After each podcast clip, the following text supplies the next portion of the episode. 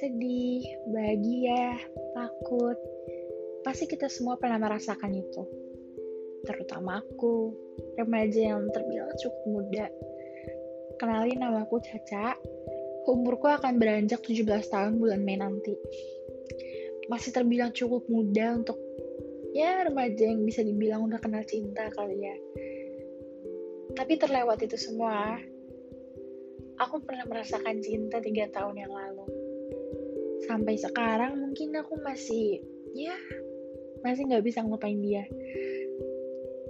Uh, tapi sekarang aku dipaksa untuk melupakannya.